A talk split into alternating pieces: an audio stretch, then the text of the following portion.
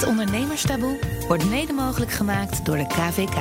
Wat als je eigen collega's de stoelpoten onder je weg zagen en je van de een op de andere dag in een nachtmerrie leeft? Het overkwam succesvol internetondernemer Ralf van Dam. Zelfs met een miljoenendeal op zak moest hij zich opeens langs de rand van de afgrond navigeren. Ik ben een geboren optimist, maar ik heb, ik heb momenten gehad dat ik echt geen uitzicht meer had op van hoe moet ik dit in godsnaam nog een keer nog gaan oplossen. Ga in deze aflevering met mij, Bas van Werven, mee naar Eck en Wiel, waar een man zit met een missie. Ondernemers bereiken wil hij. Maar hij kent de eenzaamheid van het roer in handen hebben op een zinkend schip. En zijn boodschap is? Praat erover. Ook al maakt het taboe in ons land dit soms verschrikkelijk moeilijk. Ralf, we zitten in Eck en Wiel. Ja, Heel, heel oud dorpje volgens mij, hè? ja klopt ja. Dit is echt van de 1100 eh, eh, Ja. min eh, terug. Het gaat heel ver terug, ja. Heel landelijk. Ja, Mooi, heerlijke plek. ja. Lekker rustig. We zitten de vierde kerstdag. Het is, ja. het is net nadat Ja. we allemaal uitbuikend zijn van de kerst. Het is lekker rustig. Ehm, we horen ook een hond op de achtergrond eh, een beetje eigen. Die kan ook gaan blaffen, heb ik begrepen. Dat, dat klopt, ja. Dat is Dat Bink. is, dat is Bink. Dat is onze nieuwe aanwinst. Dat is kort, ja. Mooi. Hij is vrij groot voor een nieuwe Ja, het is een pup van 12 maanden, maar... Hallo. Ja. Zeg maar, we zitten hier niet om gezellig te keuvelen. Want, Nee. Ook, uiteraard. Maar eh, ook met een reden. Want eh, ja, we zitten hier natuurlijk voor het ondernemerstaboe... Hè, waar, we het, waar we het over hebben in deze serie. Eh, je hebt een heleboel meegemaakt. Je hebt er zelfs een boek over geschreven. gaan we straks uit- uitgebreid bespreken. Maar ben je nog steeds ondernemer? Nou, eigenlijk, eh, wat is het? Twee jaar geleden ben ik het eh, bedrijf eh, Journey of Enterprises begonnen. En die organiseert ondernemersreizen. Eh, en daarmee gaan wij eigenlijk met een groep ondernemers een paar keer per jaar naar het buitenland toe. Ja. La Palma, het eiland La Palma. En daar vertellen we elkaar ondernemersverhalen. Delen we onze lessons learned. Ja. En ja, een stukje intervisie tussen ondernemers zou je kunnen zeggen. Oké. En dat begeleid ik dan. Dat is eh, werken, maar wel met het aangename gemengd. ja, exact. Ja. Ja, ja, ja. het nuttige met het aangename. Ja, precies. ja. En dat is het enige wat je doet? Nee. Nee, nee Dus daarnaast... eh, ook een baan gewoon. Ja, klopt. Ik, sinds twee jaar werk ik voor eh, Achmea. Voor Mhm. het, eh, het merk eh, Centraal Beheer. Eh, en dan de bedrijvenkant. Ja. En die spannen zich in voor het MKB. Eh, en dat trok mij ook precies juist aan. En je hebt een, een, een site naar je eigen bedrijf nog Ja, steeds. correct. Hoe Ja. ligt die verhouding zo'n beetje?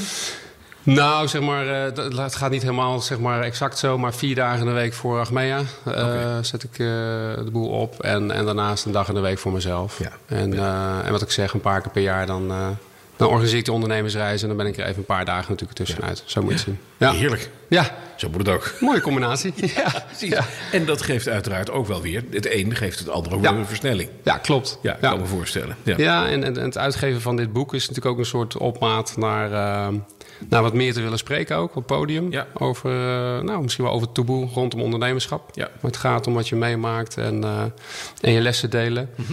Ehm, nou, dat is dus een mooie combinatie. Boek, Ja. eh, spreken en die reizen. Zo zie ik Ja, dat. want die lessen delen, nou daarvoor zitten we ook hier. Ja. Hè? Daar hebben wij dit, dit platform ook, Ja. dit podcastplatform. Van deel die les. Want dat boek wat je geschreven hebt, dat is natuurlijk mooi. Ik zei daar gaan we straks, straks over praten. Ja.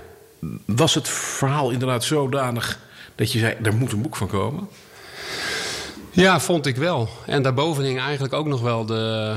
Ja, dat ik eigenlijk vond dat de, de, de, de boekenhandels vol liggen met, eh, met succesverhalen. hè. De zeven stappen naar succesvol ondernemerschap. En volg dit pad en, eh, en, en het, het gaat en om winnen. multimiljonair. Ja, exact. En Gelukkig voor het hele leven. Ja, terwijl de, de, de praktijk natuurlijk veel barstiger is. Ja. En Dat, dat, dat eh, ondervond ik ook in, mijn, in die coachingactiviteiten bijvoorbeeld. Als je veel ondernemers spreekt. Ja, je hebt regelmatig succes of, of je hebt tijdelijk succes. Maar er zitten ook periodes bij dat het wat minder gaat. Ja. En daar werd eigenlijk zelden of nooit over gesproken. Nee. Ehm, dus ik dacht van nou, het is wel eens tijd om die andere kant van het ondernemerschap ook te belichten. Eh, en volgens mij heb ik ze in het boek allebei eh, de revue laten passeren. Precies. En de goede, de toppen en de dalen. Ja, ja precies. Ja. Was je van oud zo als, als jongetje al ondernemend, bezig met dingen? Ja, Ja, het zat er altijd al in. Ja, zeker. Wat Ja. was je eerste, eerste bedrijf als jongetje? Ja, ik denk het allereerste bedrijf was denk ik alarmsysteem eh, die ik verkocht. Die, Ja? eh, ja, ja, ik zag... eh, ik was een fanatiek windsurfer. En ik zag dat eh, de windsurfmaterialen eigenlijk onbeveiligd langs de kant lagen. Terwijl dat Nee. toch wel materialen waren van duizenden guldens Ja. euro's in die Ja. tijd. Ik dacht van, nou kunnen we dat niet, eh, kunnen we dat niet beveiligen? Dus ik kocht eigenlijk apparaatjes in, eh, mobiele alarmapparaatjes... die je op die planken kon eh, vastmonteren. Op het moment dat die dan opgepakt zou worden weg... eh, Ja, dan begon hij te piepen. Dan begon hij te gillen. Ja. Dat- Je moet ook zelfvertrouwen hebben eh, om, Ja. om dit te doen. Ja. Hè, ook inderdaad, als je zegt van nou, ik ga een alarm op mijn surfplank maken. Veel mensen komen niet verder dan Nee. voor zichzelf. En daarna begint het bedrijf, hè? Daarna Klopt. gaat het verkopen, upscaling, Ja. noem maar op. Dat was wel iets waarvan je dacht van, ja, wacht eventjes. eh, dit is Ralf, die kan niet. Ja, ik had daar wel eh, vrij snel dat ik dacht van nou, ik koop er eens vijf en ik ga, Mhm. ik ga de boer op eh, langs de waterkant. En ik probeer dat dan eh, te verkopen. Nou, vijf verkocht, koop er weer vijf enzovoort. Hè. Dan maak je natuurlijk wat winst mee en zo bouwde je dat een beetje uit. En veel, veel eigenlijk later, tijdens mijn HBO-opleiding, eh, heb ik eigenlijk echt mijn eerste bedrijfje opgezet. Samen met twee compagnons. Wat was dat? Dat was in 94, 95. Met één flop het web op. Internet direct. Met één flop het web op. Ja, dat floppy, daar, daar, daar zat ja. software op. Dat als je dat in je computer stak, dan zocht hij je modem op. Ja. Dan belde die automatisch uit. En dan startte die Netscape 1.0 op. Die eerste browser die toen de tijd eh, er was in Nederland. En eh, ja, dat werkte als de brandweer. Dus wij, wij maakten die flops, we dupliceerden die. En lieten die uitdelen door eh, dames of heren op beurzen. Die gaven we dan 25 gulden en zeggen, deel die flops uit. Ja. En het businessmodel daarachter was, dat vond ik ook zelf wel achteraf eh, heel slim bedacht toen van, eh, van ons, was eigenlijk het, eh, het 06 betaalnummer. Dat had je toen voor horoscopen en erotiek. ja. En wij stopten dat achter die... Achter het internet direct? Ja, Dus je betaalde gewoon per... minuutje 75 cent per minuut. Nee, Ja, om op internet te zitten. 75 cent ja. per minuut. Ja, precies. Ja, Je had om kennis te maken. Je had heel Ekke Wiel kunnen kopen. Goedemorgen. Ja. Dat was wel mooi, want dan deelden we die flops uit op beurzen. En dan, dan gingen we als een raket gingen we naar ons, een heel klassiek verhaal, maar naar, naar die zolderkamer toe van die, van die vriend van mij toen. En dan kijken wat er Ja, gebeurde. licht uit, inderdaad, licht uit. En die monumbanken. En dan gingen die lampjes aan. En er waren dus mensen die dan online gingen. Scherm daarnaast, die dan eh, een van die jongens had gemaakt. Dan zag je precies wat je verdiende per minuut. En hoeveel mensen hoeveel airtime eh, maakten. En dat ging ja, goed. dat was, ja, dat was wel een soort van... eh, ik vond dat toch al een soort magiemomentje hoor. Dat je, ja, je bedenkt iets, je maakt het, je vermarkt het. Het werkt en het levert het centjes natuurlijk op. Ja. Ja, dan zit je daar met z'n drieën, met z'n vieren in die tijd. En, eh, en denk je, jeetje, wat gaaf, joh, dit, dit werkt gewoon. Ja. En ehm, ja, dat heeft het ook gedaan, na an- anderhalf jaar. Het kwam er een, eh, een automatiseringsbedrijf voorbij die zei... nou, ik wil dit wel hebben. Ja. Dat internet wordt wel wat, legendarische woorden. Ja. Zou zomaar eens wat kunnen worden. Ja? En, die, en die, eh, die kochten dat concept. Zeg, even, even een stapje verder. Je hebt uiteindelijk ook een, een, een, eh, bedrijf eh, opgericht... dat echt inspeelde op de crisis. Hè? Gewoon 2007, 2008. Ja, er zijn een paar stappen ver- eh, inderdaad verder. Ehm, toen ben ik eh, samen met mijn, eh, mijn broer, oudste broer, familiebedrijf begonnen.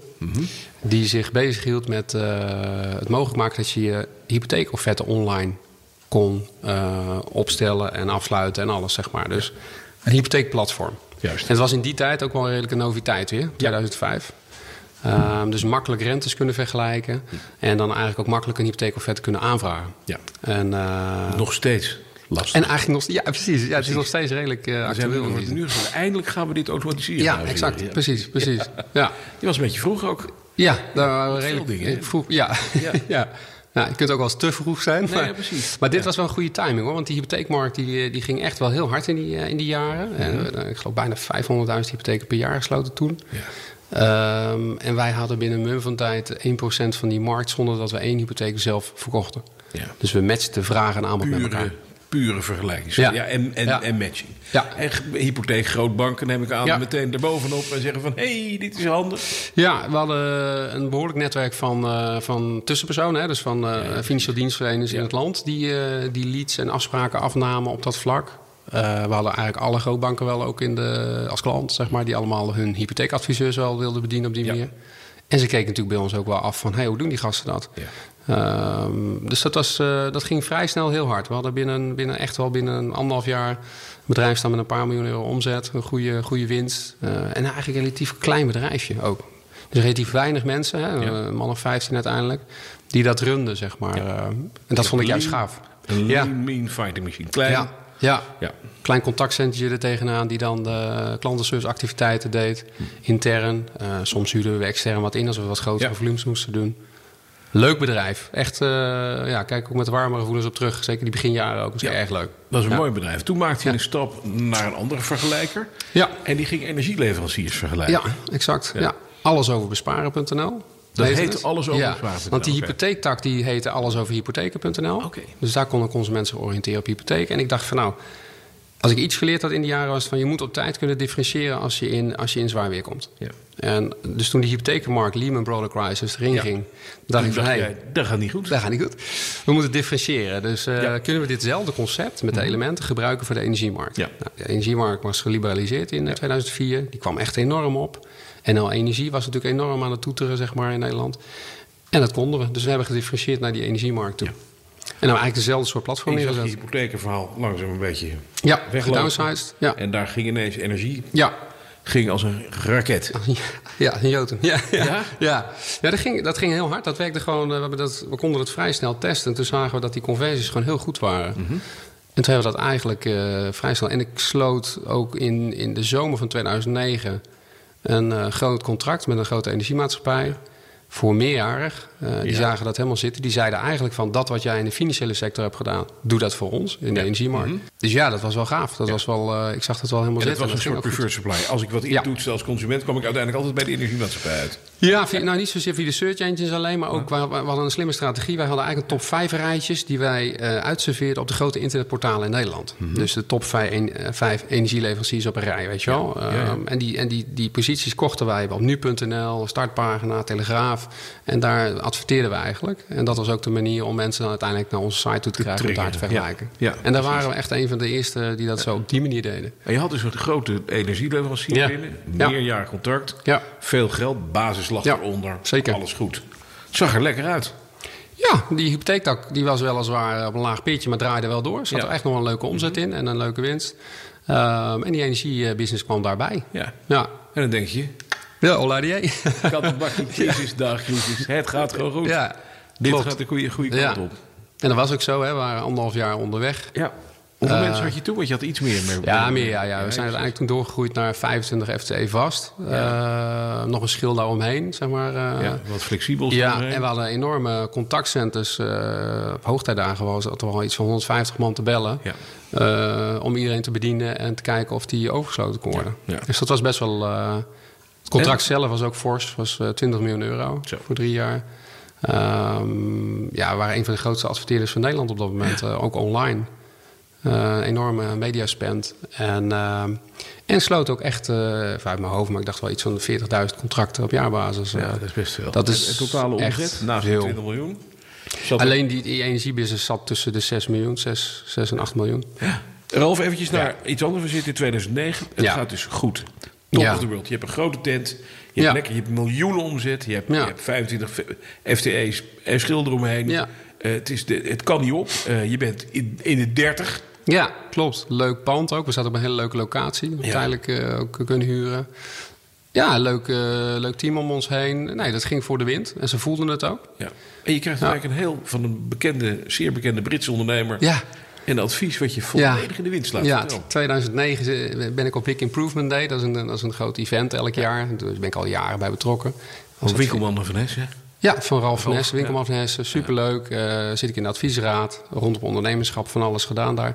En eh, Richard de Branson ontmoet ik. En, en ik vertel hem heel kort mijn concept. Op een gegeven moment had het razendsnel door. Dat is, dat is kenmerkt voor zo iemand Mhm. natuurlijk. En het enige wat hij toen zei was van... eh, manage je, je downside risk. Hè? Dus zorg... En ik hoorde wel Als het fout gaat, dat. ja. en ik hoorde natuurlijk wat hij zei. Hè? En dat neem je ook bloedserieus van zo iemand. En toch denk ik dat ik het onvoldoende echt heb laten landen. Ja. Ja, je denkt toch dat je eh, ja, op een goede zetel zit en dat je het, het dan wel goed voor elkaar hebt. Maar Ook Nou, dat je risico's goed ja, ja, precies. Eh, maar, eh, Ja, weet je, ik denk van oké, met juridische structuur is dat goed, fiscaal het goed bereid. je. Contracten, nou, ik had een dijk van een contract, dacht ik, ook met, eh, met die, met die energieleverancier. energie, ja, Ja. Zo'n contract eh, opstellen alleen al kost ook al 25 miljoen. Ik denk, nou, weet je, ik, het staat best goed. Ja. We kunnen naar de toekomst toe. Ja. En, en eh, ja, wat zeg je dat? Eh, niks is minder waar.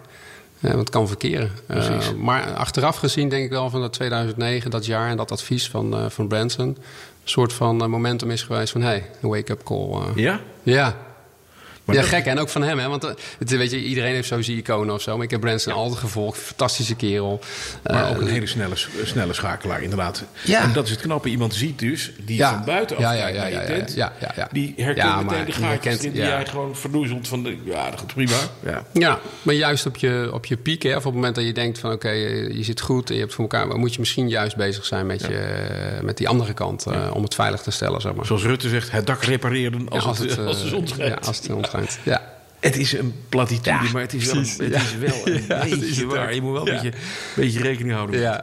Zeg, want dan is het punt, dit is, dit is de top. Uh, je krijgt een advies. Achteraf gezien, was het goed gegaan, had je gezegd... ja, Branson, joh, weet je, ja, risicomanagement, ik kon dat. En dat hadden we goed voor elkaar. Maar het ging fout. Ja, 2011, ja, enorm fout. Daar gaat het echt fout. Ja. Ja, uh, het is het januari 2011. Uh, krijg ik een telefoontje om kennis te maken met de nieuwe directie van die energiemaatschappij. Uh, waar ik die goede deal mee had. Meerjarige deal. En ehm, ja, lang verhaal kort, daar ga ik mee kennis maken kort daarna. En de betreffende persoon waar ik mee kennis maak, die, ja, die maakt feitelijk geen kennis met me. En die, die zegt zijn hand op het contract op tafel. En die zegt eigenlijk van dit contract bestaat niet meer.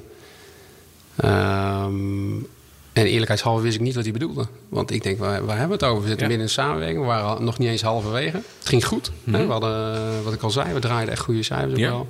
Tuurlijk waren er uitdagingen en verbeteringen, maar de samenwerking liep. En eigenlijk schoof die persoon het contract terzijde en zei ik van ja, of we komen hier uit samen, of ik haal het op bij de curator. En ook dat woord curator, in die fase had ik nog nooit, mm was ik überhaupt niet mee bezig. Dat speelde op dat moment ook helemaal niet. Um, ik wist wel dat het goed mis was. Vanaf dat moment dacht ik al meteen, en ik was samen met mijn financieel directeur toen uh, daar op dat gesprek. En wij reden terug. En hij keek me aan en zei: Ralf, dit is echt foute boel. Ja. En toen kon ik nog niet beseffen hoe fout.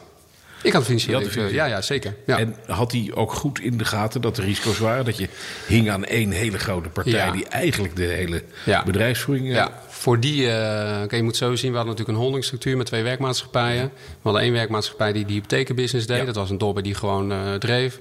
En we hadden dan zeg maar de energiebusiness, zo noem ik hem eventjes. Mhm. En natuurlijk wisten we dat het risico in die ene maatschappij groot was. En ook afhing van, van de betreffende energiemaatschappij. Maar goed, we hadden, wat ik al zei, het contract was goed. ja. Uh, we draaiden goed. Um, en we zagen het ook, hè, zeker in die meerjarig contract was, drie jaar, dat we de tijd kregen om zeg maar, ook die risico's natuurlijk af te bouwen in de loop van de tijd. Daar waren we ook volop mee bezig. Ja. Ja. En er was een exclusief contract, neem ik aan. Hè? Dat ja, was wel exclusiviteit. dat je een andere ja. energieboer kon, eh, kon uh, ja. als contract. Ja, uiteraard. Ja, het was het was een, een vuistdik contract, kan ik wel zeggen. Ja. ja. Oeh, man, maar je zit daar dus. Hè? ja. Gebeurt vaker, hè? Nieuwe CEO, nieuwe wind laten draaien. Die gaat alle, alle uh, dingen de kast door. Precies. En maakt daar lijken. Ja. Want dat is het, die liggen niet in de kast, die maakt ja. zelf. Ja. Jij was het lijk. Ja, die ziet een mogelijkheid om uh, fors te besparen, denk ik. Hè? In dit geval uh, 13 miljoen euro. En, um, en ziet eigenlijk ook van um, dat er een afhankelijk is ontstaan naar ons toe. Hè? Zo kan je het ook zien. Ja. Wij waren natuurlijk een sterk verkoopkanaal geworden voor ze. En hij wilde, denk ik, uh, nou ja, die besparing van 13 miljoen uh, naar zich toe trekken. Ja. En, en wilde ook die database en de contracten naar zich toe halen. Ja. Om minder afhankelijk te zijn. Ja. De manier waarop hij dat dan doet en, en, en hoe hij daar vervolgens ook acties aan verbonden heeft, daar kan je van alles van, uh, dat is niet vinden. Maar daar gaan we het over hebben. Eventjes, jij rijdt terug in de auto met je CFO. En jullie zeggen, jongens, dit is foute boel. Ja. Man, je denkt dat je een solide contract hebt. En de tegenpartij denkt dit halen we onderuit. Ja, precies. Klaar. Ja, we zetten hier drie US op. Ja, en dan is het weg. Tennis ja. hem zo eruit. Ja. Bespaard, klaar. David tegen Goliath. Ja. ja. En wat deed, uh, wat deed David op dat moment? Ja, ik ging toen echt wel. Uh, ik heb een insolventieadvocaat meteen geraadpleegd. Ik voelde wel van: oké, ik moet uh, gaan kijken hoe ik er echt voor sta. Ja, dat is een slimme zet geweest. Ja, ja. ja. ben meteen daar mee gaan zitten en de, de hele structuur bekeken. De, de, deal, de deal nog eens een keertje bekeken. Um, nou, en dan bereid je je wel voor op dat wat eventueel komen gaat, zeg maar. Ja. Even, vriend. Kom eens hier. We moeten even de hond voeren. Ja. Kom eens hier. Kom eens bij me. Kom maar. Wil jij ook even aandacht? Ja, we moeten even aandacht in. Even. We pakken, we pakken er weer eventjes op. Je gaat aan het werk met een insolventieadvocaat. Neemt dingen door. Ja. Uh, wat, wat, wat zei die op dat moment? Wat zei die advocaat tegen je? Want die bekijkt ook zijn contract, die kijkt ja, ook naar die, relatie. ja. En die geeft een inschatting van... en hoe gaan we dit verder bekijken? Ja, nou ja, die gaf eigenlijk de inschatting dat... Uh, dat het contract goed in elkaar zat. Hè? Maar niet, uh, uh, hoe zeg je dat? Uh, dat, dat ik niet moest uitsluiten dat het uiteindelijk toch ergens ontbonden zou kunnen worden. Om geronde redenen. En dat met name de tijd dan tegen je gaat werken. Hè? De tijd en de afhankelijkheid die je dan hebt, hè? Ehm, die gaat dan op een gegeven moment tegen je Ja. werken. Dus dat eh, gaf hij aan. Maar voor de rest, kijk maar, qua bedrijfsstructuur, ehm, contractuele afspraken tussen de bedrijven, stond dat allemaal goed. Ja. Dus ehm, ik moet zeggen dat ik na dat gesprek nog redelijk comfortabel eh, eh, eruit ging, zeg maar. Ja. En eigenlijk ook zoiets had van, nou weet je, we gaan, het, eh, we gaan proberen nog misschien de tent te verkopen. Hè? Dus ik ga buiten de deur kijken of ik dit bedrijf alsnog eh, zeg maar kan redden door Ja. de verkoop. Ehm, dus ik heb in die maanden eigenlijk eh, allemaal voorzorgsmaatregelen genomen om te kijken, van, nou kan ik dit schip nog keren? Ja. Ehm, en dat zijn hele intensieve maanden hoor.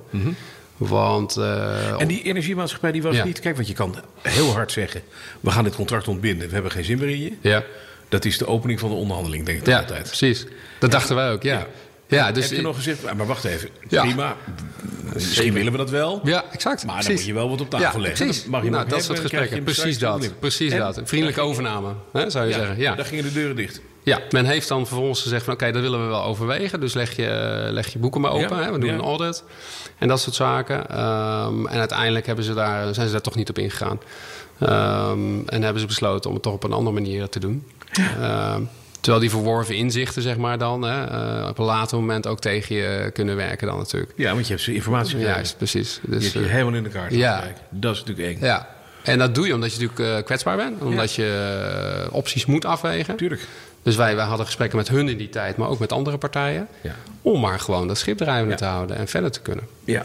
Maar Ja. niet gezegd non-disclosure. Jawel. Jawel. Natuurlijk wel. Ja, maar dat hebben ze ook van gezegd. Ja, klaar. Jammer dan. Ja. Er komt een moment waarop je erachter komt dat je de mensen die je zo vertrouwt en die om je heen staan, Ja. waarvan je denkt van dit gaat goed, dat die niet zo betrouwbaar blijken te zijn. Nee, en dat is denk ik een heel belangrijk kantelpunt. Ja. Op het moment dat ik eh, het visement aanvroeg van dat bedrijf... en, eh, en ik langzamerhand eigenlijk erachter kwam... dat eh, nou ja, eh, die energiemaatschappij eigenlijk achter eh, dit fenomeen zat... Hè, om, Ja. om de boel naar zich toe te trekken. Maar ook poogde om zeg maar, de kennis en kunde uit mijn bedrijf ook weg te trekken... door medewerkers van mij te verleiden samen te werken... Ja, dan, dan, dan valt natuurlijk wel iets onder je vandaan. Om je heen merk Ja. je dus dat deze club eigenlijk het zand Ja, of je poot om die stoel ja absoluut. Ja. En dat, dat was wel... En eh, mensen daar ook in meegaan. Ja. En dat zelf ook ontdekken. Hè. Dus ik zat zelf bij een van de potentiële overnamekandidaten. Daar had ik een afspraak met de directeur. En de secretaresse haalt een bak koffie. En ik zie een papiertje op tafel liggen. Waarbij ik zie, er waar letterlijk de cijfers van mijn bedrijf uitgeschreven staan. Door een van de oud-collega's, zeg maar. Over wat de- nou ja, de aantallen, de marges eh, in één A4. En ik zag dat, ik kon mijn ogen niet geloven. Ja. Echt waar niet. Ik dacht van, dit kan niet waar zijn. Alsof je bloot aan tafel zit. Ja. ja. En ik zag het logo van de betreffende persoon waar het mee te maken had. Dus ik heb er een foto van gemaakt. Die heb ik meteen naar mijn financieel directeur ook gestuurd. Moet je nou kijken, joh, dit geloof je gewoon niet. Ja. Maar dat was dus wel het geval. En dit was een oud medewerker van je. ja, dat sterker nog, was een, een oud eh, algemeen directeur zelfs van een van, de, Oh. van die energietak. ja. ja, dat, kijk, dat zijn wel dingen, eh, dat hakt er wel in. Want dan denk je echt van, eh, wat gebeurt hier? Weet je, dan, dan langzamerhand begin je te begrijpen, wat gebeurt hier eigenlijk?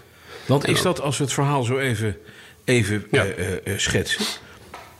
Het lijkt erop alsof die energieleverancier dacht... wij zitten te betalen voor iets wat we zelf net zo goed kunnen. Ja. Daar waar we niet voor betalen ho- hoeven. Waarvoor we mensen naar ons toe kunnen trekken. Ja. Dat kost minder. Ja. Wij hollen deze hele tent uit. We geven deze vent een tik.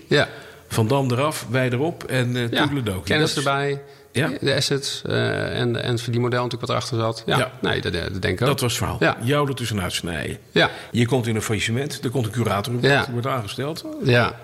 En die had, Ja. zei je zelf in het voorgesprek, nog niet een hele gelukkige hand in het krijgen van een curator. Geloof ik, nee, vertel. nee, nee. Kijk, de curator dient er te zijn voor het belang van de crediteuren. Maar het was mij al heel snel duidelijk dat de curator er alle belang bij had. Dat de energiemaatschappij, die natuurlijk ook de veroorzaker was van dit probleem. Eh, stond direct op de stoep om eh, de assets en de boedel natuurlijk eh, te willen opkopen. Ja. Was ook bereid de boedel te financieren. Dus er werd ook tijd gekocht. En, ehm, en ik werd gewoon maximaal onder druk gezet om, om te beslagen ook? Ja, op een gegeven moment in het proces. Eh, is eigenlijk op alles wat ik had uh, beslag gelegd. Ook persoonlijk? Ook je ja, privé, zaak, ja. privé. Oh, je kan ze gek niet bedenken, maar... Uh, Godverdorie, man. Maar Ja. die curator, dat is, die heeft, althans zo lijkt het, onder een hoedje gespeeld met, met, eh, met die energiemaatschappij. Wat niet zo zou mogen zijn. Nee, maar goed. ehm, kijk, ik denk dan, dan, dan toch een beetje als volgt. Kijk, van, van een kale kip valt niet te plukken. Maar als er wel wat valt te plukken... eh, dan ga je toch kijken hoe kan ik daar toegang toe krijgen. En eh, nou, ik had dan eh, privé wat vermogen, zaak wat vermogen. Ehm, en er zat natuurlijk een koper achter die ook bereid was een, een bedrag te betalen. Ja, en dan denk ik dat het eh, 1 en 1 is 3 is. ja. Maar het gaat vooral om de manier waarop dat dan gaat.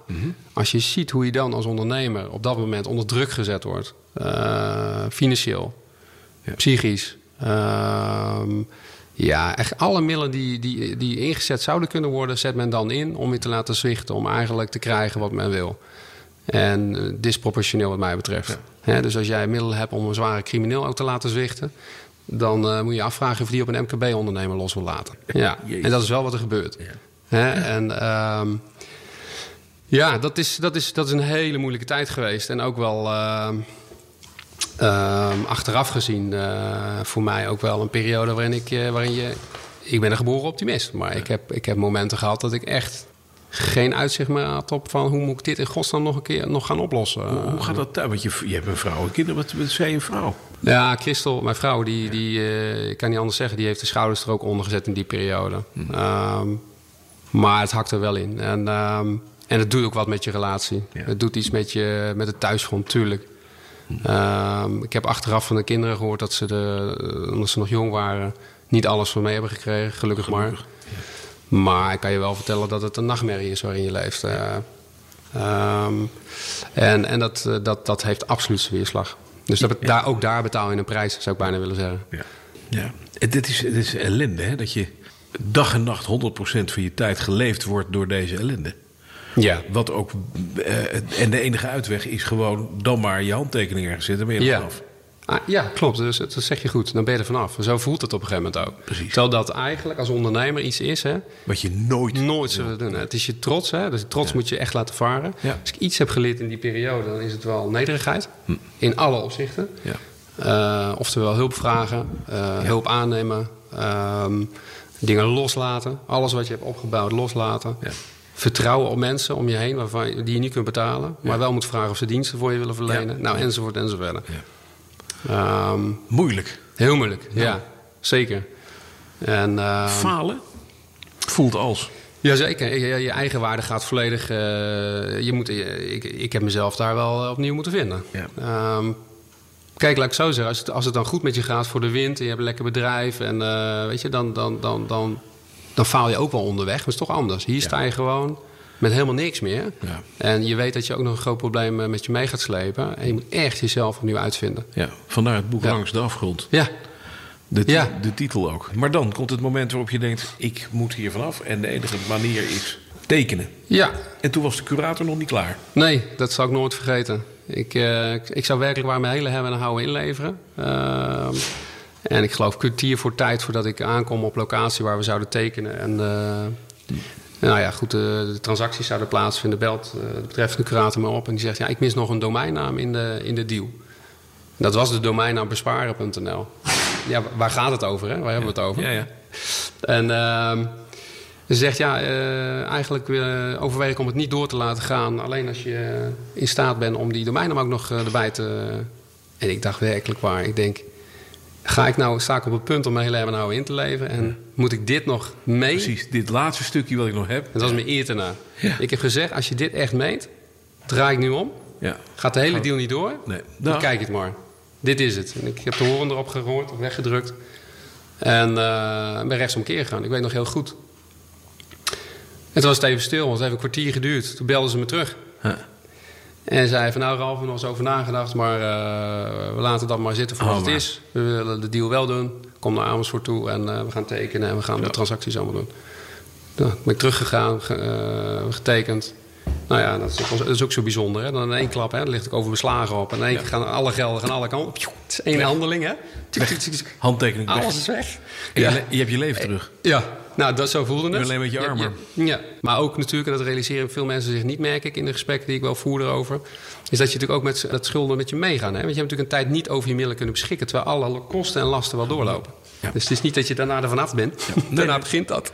Komt dat nog? Ik heb Nou ja. eerder Arthur Tolsma gesproken. Ja. Die, had, die had nog maar één paar schoenen over. Ja, ja, precies. Waarmee die ook moest hardlopen. en dat waren ze nette zwarte schoenen. Is het bij jou zo diep gegaan? Ja, nou ja, we hebben in, het, in, de, in die periode dat we echt alle middelen eh, bevroren waren en, en er ook niks meer in kwam. eh, natuurlijk hebben we momenten gehad dat de kast leeg was, hè, zeg ik als voorbeeld wel eens. Maar eh, wij hebben ook wel direct, en dat vind ik van Christel mij wel eh, bewonderingswaardig. De, dus Christel is, die had een goede baan, maar die is nog extra gas bijgegeven. Ik heb een baan aangenomen. Hè. Ik ben een loondienst gegaan voor het eerst van mijn leven. En ben daarnaast weer gaan ondernemen.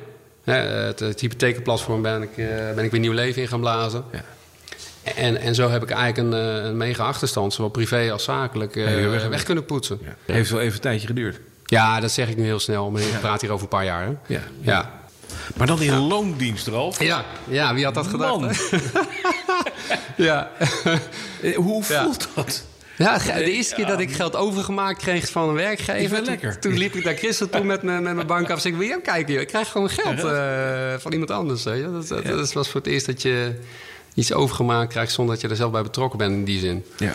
Gek wel, ja. En ik moest ook eerlijk gezegd de eerste maanden heel erg wennen. Eh, dat zullen die collega's van toen ook best gemerkt hebben. Ja. Je bent natuurlijk dan niet meer integraal verantwoordelijk. Het is een heel andere manier van... eh, Van werk, maar Ja. wisten ze wat jouw voorland was? nou, het ga, het ik heb dat in het begin nog wel verteld. Ja. Een keer in een, in een bijeenkomst, in een sessie. eh, niet eens natuurlijk zoals, we dat, zoals dat nu op papier is opgetekend. Ja.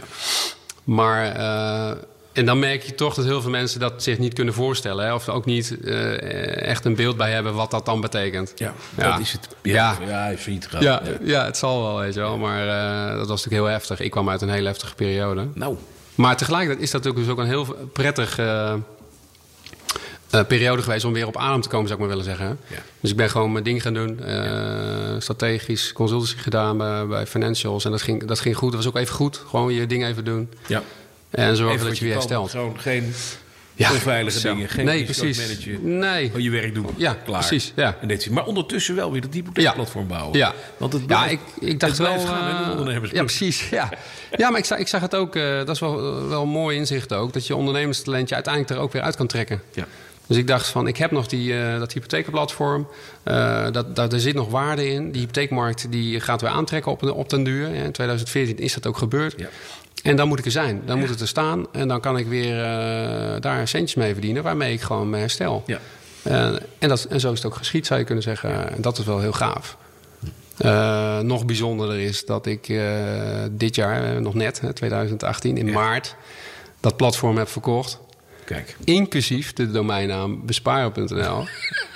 die, zo Ooit. die zo belangrijk was. Ooit weggetrokken bij de curator. Wat Ja. heb je ervoor gekregen uiteindelijk? Wat zeg je? Voor de naam, voor de mijn naam? Voor de domeinnaam zelf, nou, het, ik heb het ooit gekocht voor 20.000 euro, kan ik me herinneren. Dat zit nu in de deal ook, dat Ja, bedrag. Ja. Dus niet allemaal niet te individualiseren. Maar het is in ieder geval geld waard geweest. Klaar. Nou, het is zeker onderdeel van de deal geweest. Ja, ja, ja, ja. Dus er zat veel meer in, maar eh, ik vond dat heel, dat was wel heel frappant, ja. ja. Heeft dat je een beetje teruggebracht op het vermogen wat je allemaal verloren bent?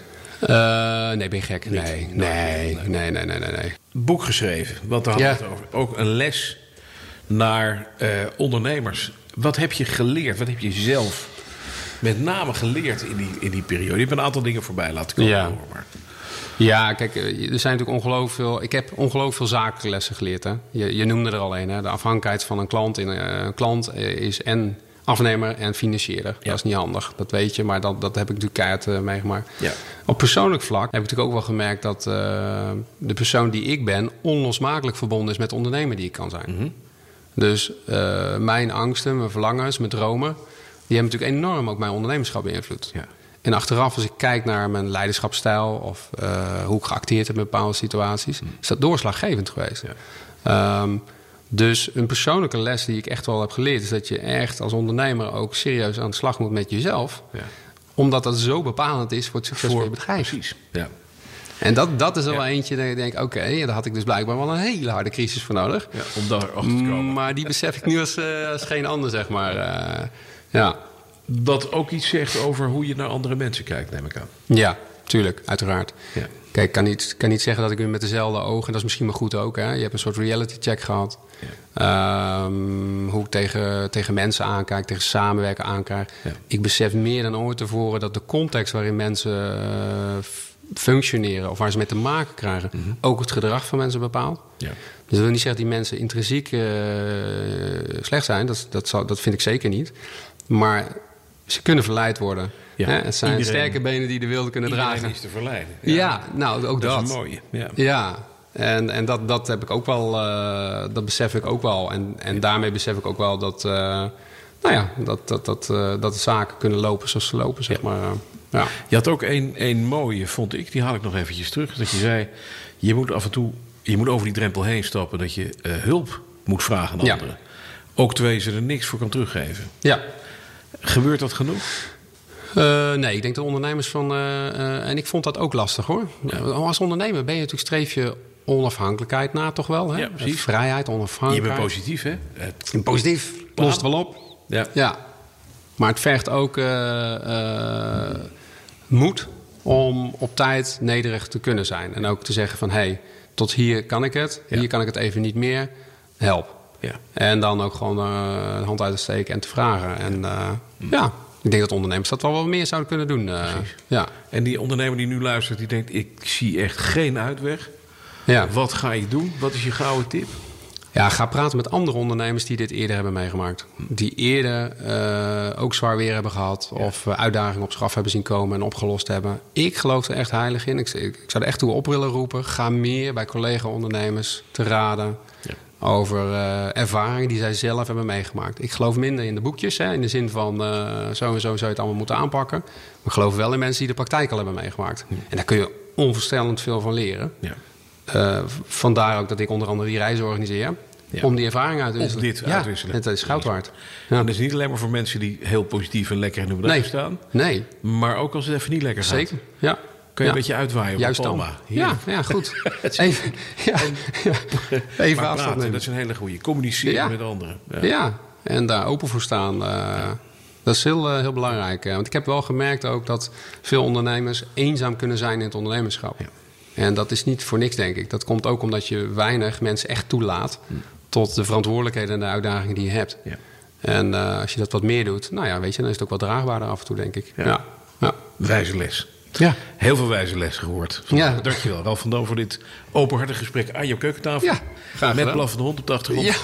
Ja, die was er ook bij. Die was er ook bij. Ja. Dat is ook wel een onder- ondernemend, eh, ondernemend hondje wel.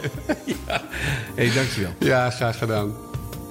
Wat een verhaal van windsurfboardredder tot ondernemer... die op het hoogtepunt van zijn kunnen... zelfs het advies van Richard Branson totaal in de wind dacht te kunnen slaan. Maar goed om te horen hoe hij nu anderen helpt met zijn verhaal. Hopelijk had jij er ook wat aan, of misschien denk je nu aan die kennis in moeilijkheden. Vergeet ook niet naar de andere inspirerende verhalen te luisteren. En als je direct om concreet advies verlegen zit... luister naar de Adviescast. Succes!